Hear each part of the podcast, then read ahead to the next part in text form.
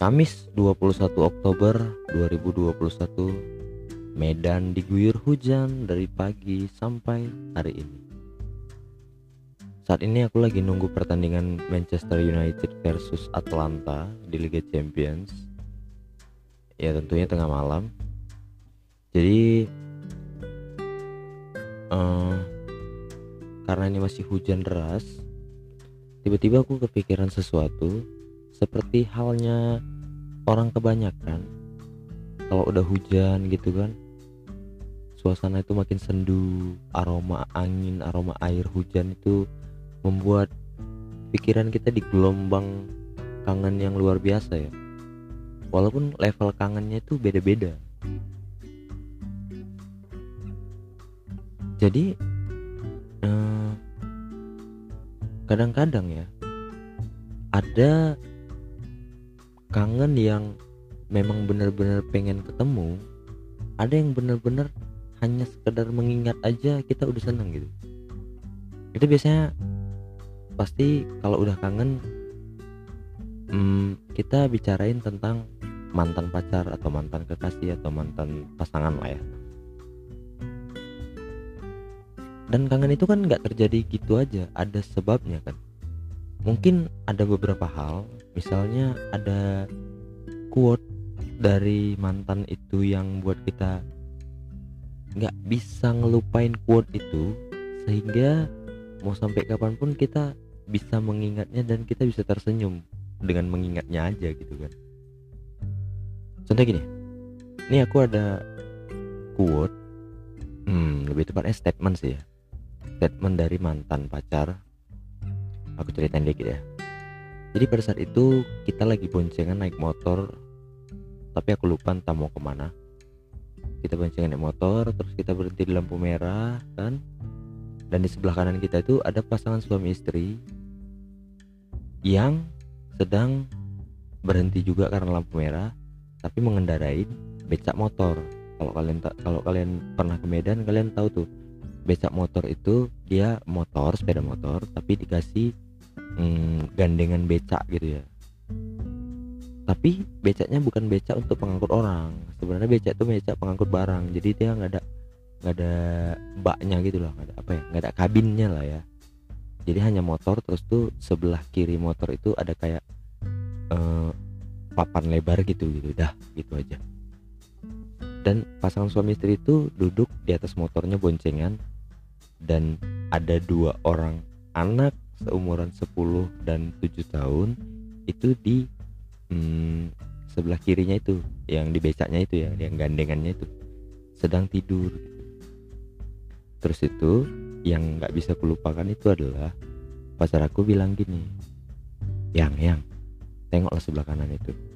Aku nggak mau ya nanti kalau nikah kita jadi kayak gitu. Dan itu kami ketawa ngakak. Mungkin maksud aku gini iya itu ketakutan dia aku tahu. Tapi karena dibungkus dengan situasi itu kami jadi lucu-lucuan gitu. Dan itu nggak bisa kulupakan bahkan ketika aku melihat kondisi yang seperti itu di situasi yang sama aku bisa teringat dia gitu dan aku bisa senyum-senyum sendiri. Gak cuma itu nggak cuma itu aja kadang yang bikin kangen. Ada juga keseruan-keseruannya kan ketika kalian lagi bercanda bareng lagi mungkin main bareng mungkin main game bisa pergi ke suatu tempat makan atau ke tempat wisata naik gunung mungkin. Itu hal-hal yang nggak bisa dilupakan.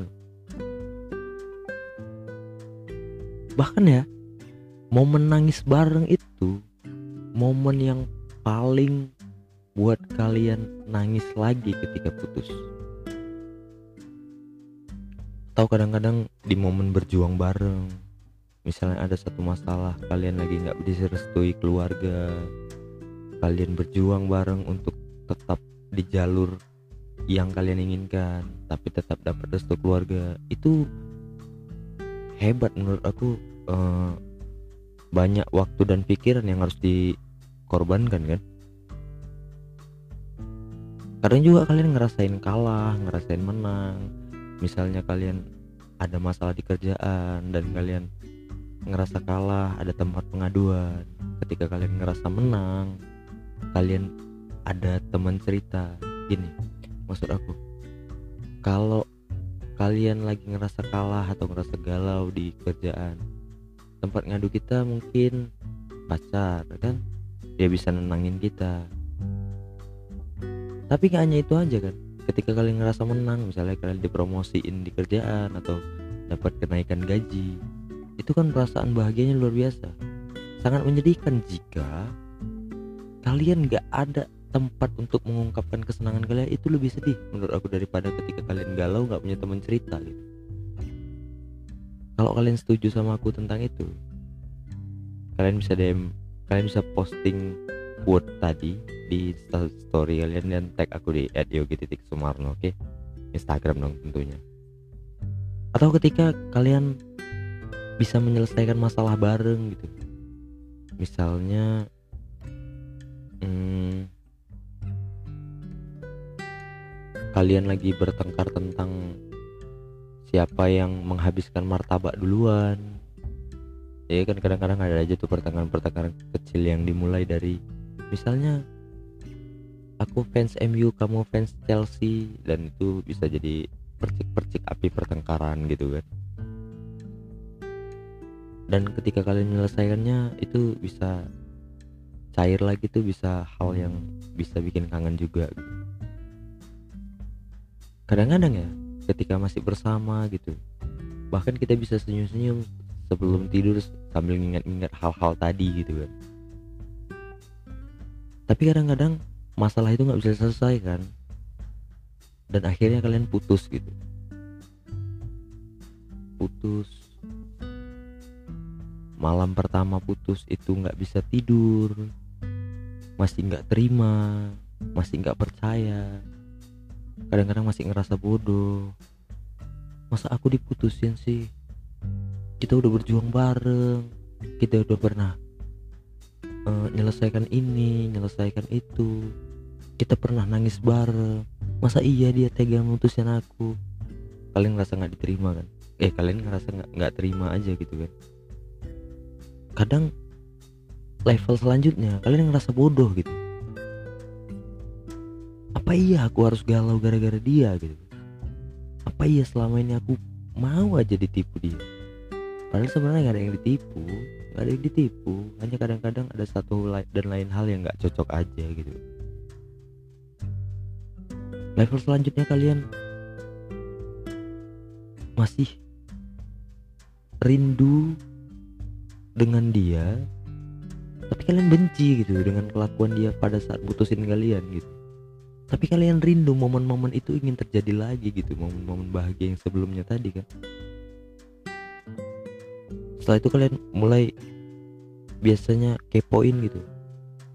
Kepoin tentang hidup dia apakah dia bersama orang lain sekarang. Dan itu adalah hal yang nggak boleh kalian lakukan sebenarnya. Karena ketika kalian kepoin dia ketika kalian lihat dia bahagia kalian akan merasa sangat terpuruk gitu melihat dia bahagia. Padahal kalau apa yang diposting di sosmed itu hal-hal yang bagus kan? Oke kalau gitu kita balikin bisa aja dia ngeposting hal sedih. Kalian juga ngerasa nggak terima. Kan dia sedih nih. Kenapa dia mutusin aku gitu? Kalian bahkan makin gak percaya gitu. Kenapa sih dia mutusin aku? Kan dia masih butuh aku gitu. Akhirnya kalian makin benci gitu.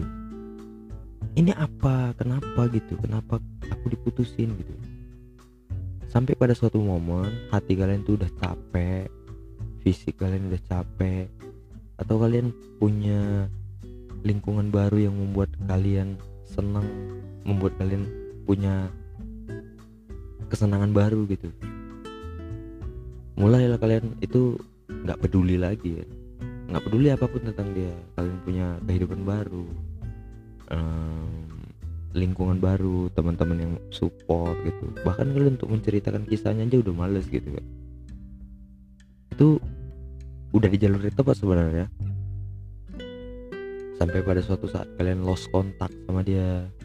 Nggak ada hubungan lagi bahkan nggak saling follow sosmed lagi. Terus tuh kalian udah mulai dapat pengganti yang baru. Dan kalian udah benar-benar move on itu. Di level itu kalian udah benar-benar move on